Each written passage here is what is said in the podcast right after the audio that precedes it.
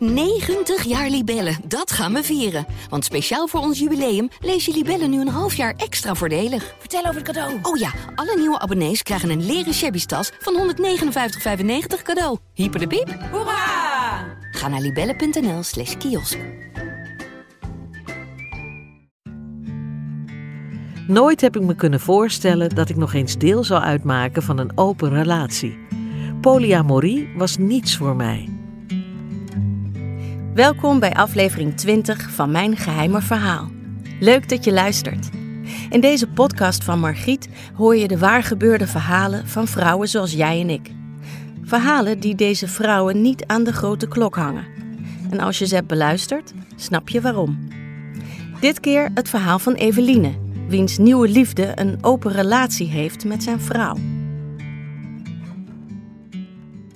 Polyamorie, dat vond ik altijd moderne onzin of juist ouderwets hippiegedoe. Hoe dan ook, niets voor mij. En zie mij nu. Ik ben verliefd op een man die al 40 jaar is getrouwd. Zijn echtgenote Wilma weet dat de vonk tussen ons is overgesprongen en vindt dat prima. Ik ken haar, mag haar graag.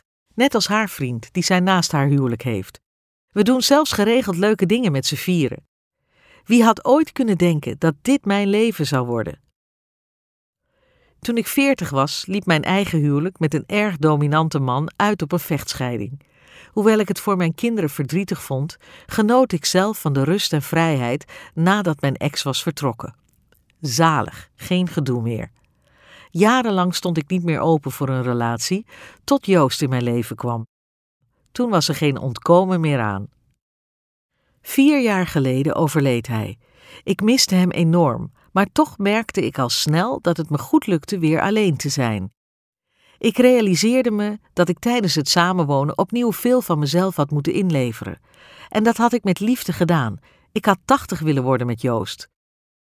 Toch was het ergens fijn om weer mijn eigen ruimte te hebben, mijn eigen dingen te doen. Afspraken maken zonder dat te hoeven overleggen en s'nachts niet wakker te liggen door gesnurk.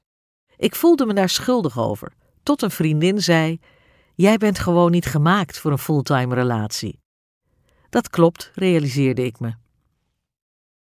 De afgelopen jaren ontmoette ik geregeld mannen die ik aardig vond, maar een relatie durfde ik niet aan. Ik weet hoe makkelijk ik me aanpas en zag zo'n man alweer alle dagen bij me op de bank zitten.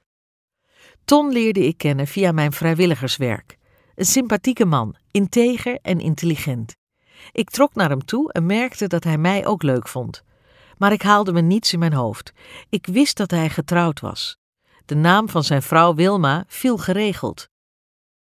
Op een feestavond van ons werk kwam zij mee met nog een andere man.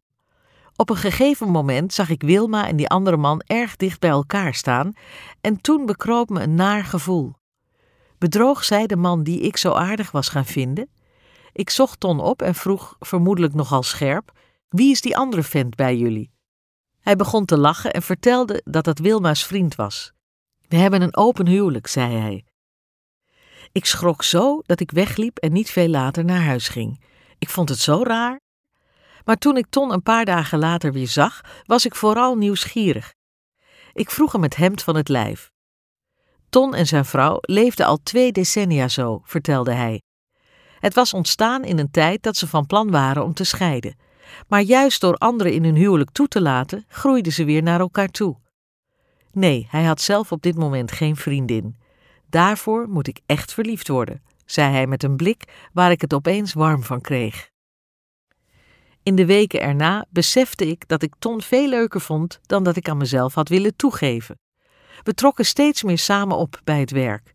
Daar genoot ik van. Tegelijkertijd maakte het me zenuwachtig. Deze situatie was toch niets voor mij? Wat zouden anderen ervan vinden als ik met hem in zee zou gaan? Mijn kinderen, vriendinnen? Tot we een keer samen uit eten gingen. Een zoen kon niet uitblijven en het voelde zo goed dat het daar niet bij bleef. Hij stuurde een appje naar zijn vrouw en ging met mij mee naar huis. We beleefden een nacht zoals ik die nooit meer had verwacht op mijn leeftijd. Het was zo fijn. Maar nee, het voelde niet raar toen hij tegen de lunch weer naar huis ging, naar Wilma. Ik merkte zo duidelijk dat ik heel speciaal voor hem was, dat ik niet jaloers was. En die jaloezie is ook nooit gekomen. Ton nodigde me al heel snel thuis uit en daar leerde ik Wilma kennen. Ze was hartelijk en zei meteen: Wat ben ik blij voor Ton en jou. Ik kon niet anders dan haar heel aardig vinden. En al zag ik hoe liefdevol zij en Ton met elkaar omgingen, ik voelde tegelijkertijd hoe verliefd hij was op mij. En dat maakte dat het helemaal niet erg was. Ik was gewoon blij dat ik een relatie met hem kon gaan opbouwen. Weliswaar parttime, maar laat dat voor mij nou juist perfect zijn. Ton en ik hebben nu het vaste ritme dat hij op woensdag en zondag bij mij is. Dan hebben we het ontzettend leuk en fijn. We gaan fietsen of wandelen, praten veel en ja, ook vrijen hoort er natuurlijk bij. De andere dagen is hij thuis, bij Wilma. Dat zit me nooit dwars, integendeel. Ik kom namelijk niets tekort bij hem. Ik voel me intens geliefd als we samen zijn.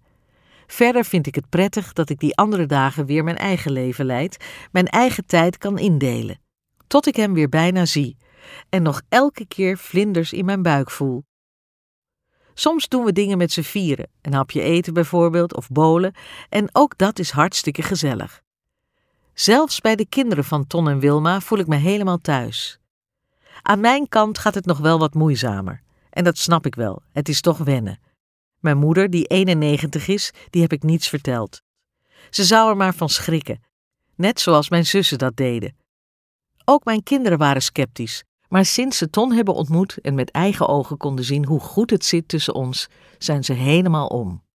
Ik hoop dat er een dag komt dat ik Ton, maar ook Wilma en haar partner kan uitnodigen als ik jarig ben en iedereen onze situatie accepteert. Want dit voelt 100% als mijn nieuwe leven. Ik ga er helemaal voor. Of ik het nu echt nooit moeilijk vind? Vooruit, heel soms wel. Als Ton met Wilma op vakantie is, maar alleen omdat ik hem dan verschrikkelijk mis. Gelukkig gaan wij deze zomer ook samen weg naar een schattig huisje in Toscane. Heerlijk, ik kijk er nu al naar uit.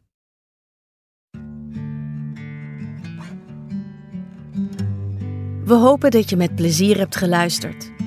Nog meer waargebeurde bijzondere verhalen horen? Luister dan naar de Margriet podcast Mijn Verhaal. Daarin vertellen vrouwen het bijzondere verhaal over hoe hun leven voor altijd veranderde. Of lees de rubriek Nog nooit verteld elke week in Margriet.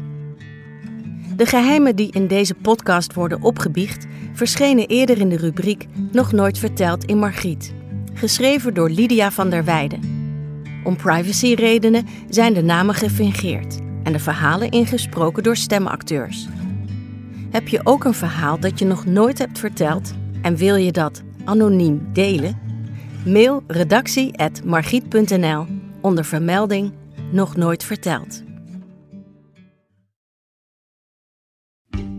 90 jaar Libellen, dat gaan we vieren. Want speciaal voor ons jubileum lees je Libellen nu een half jaar extra voordelig. Vertel over het cadeau. Oh ja, alle nieuwe abonnees krijgen een leren shabby tas van 159,95 cadeau. Hyper de piep. Hoera!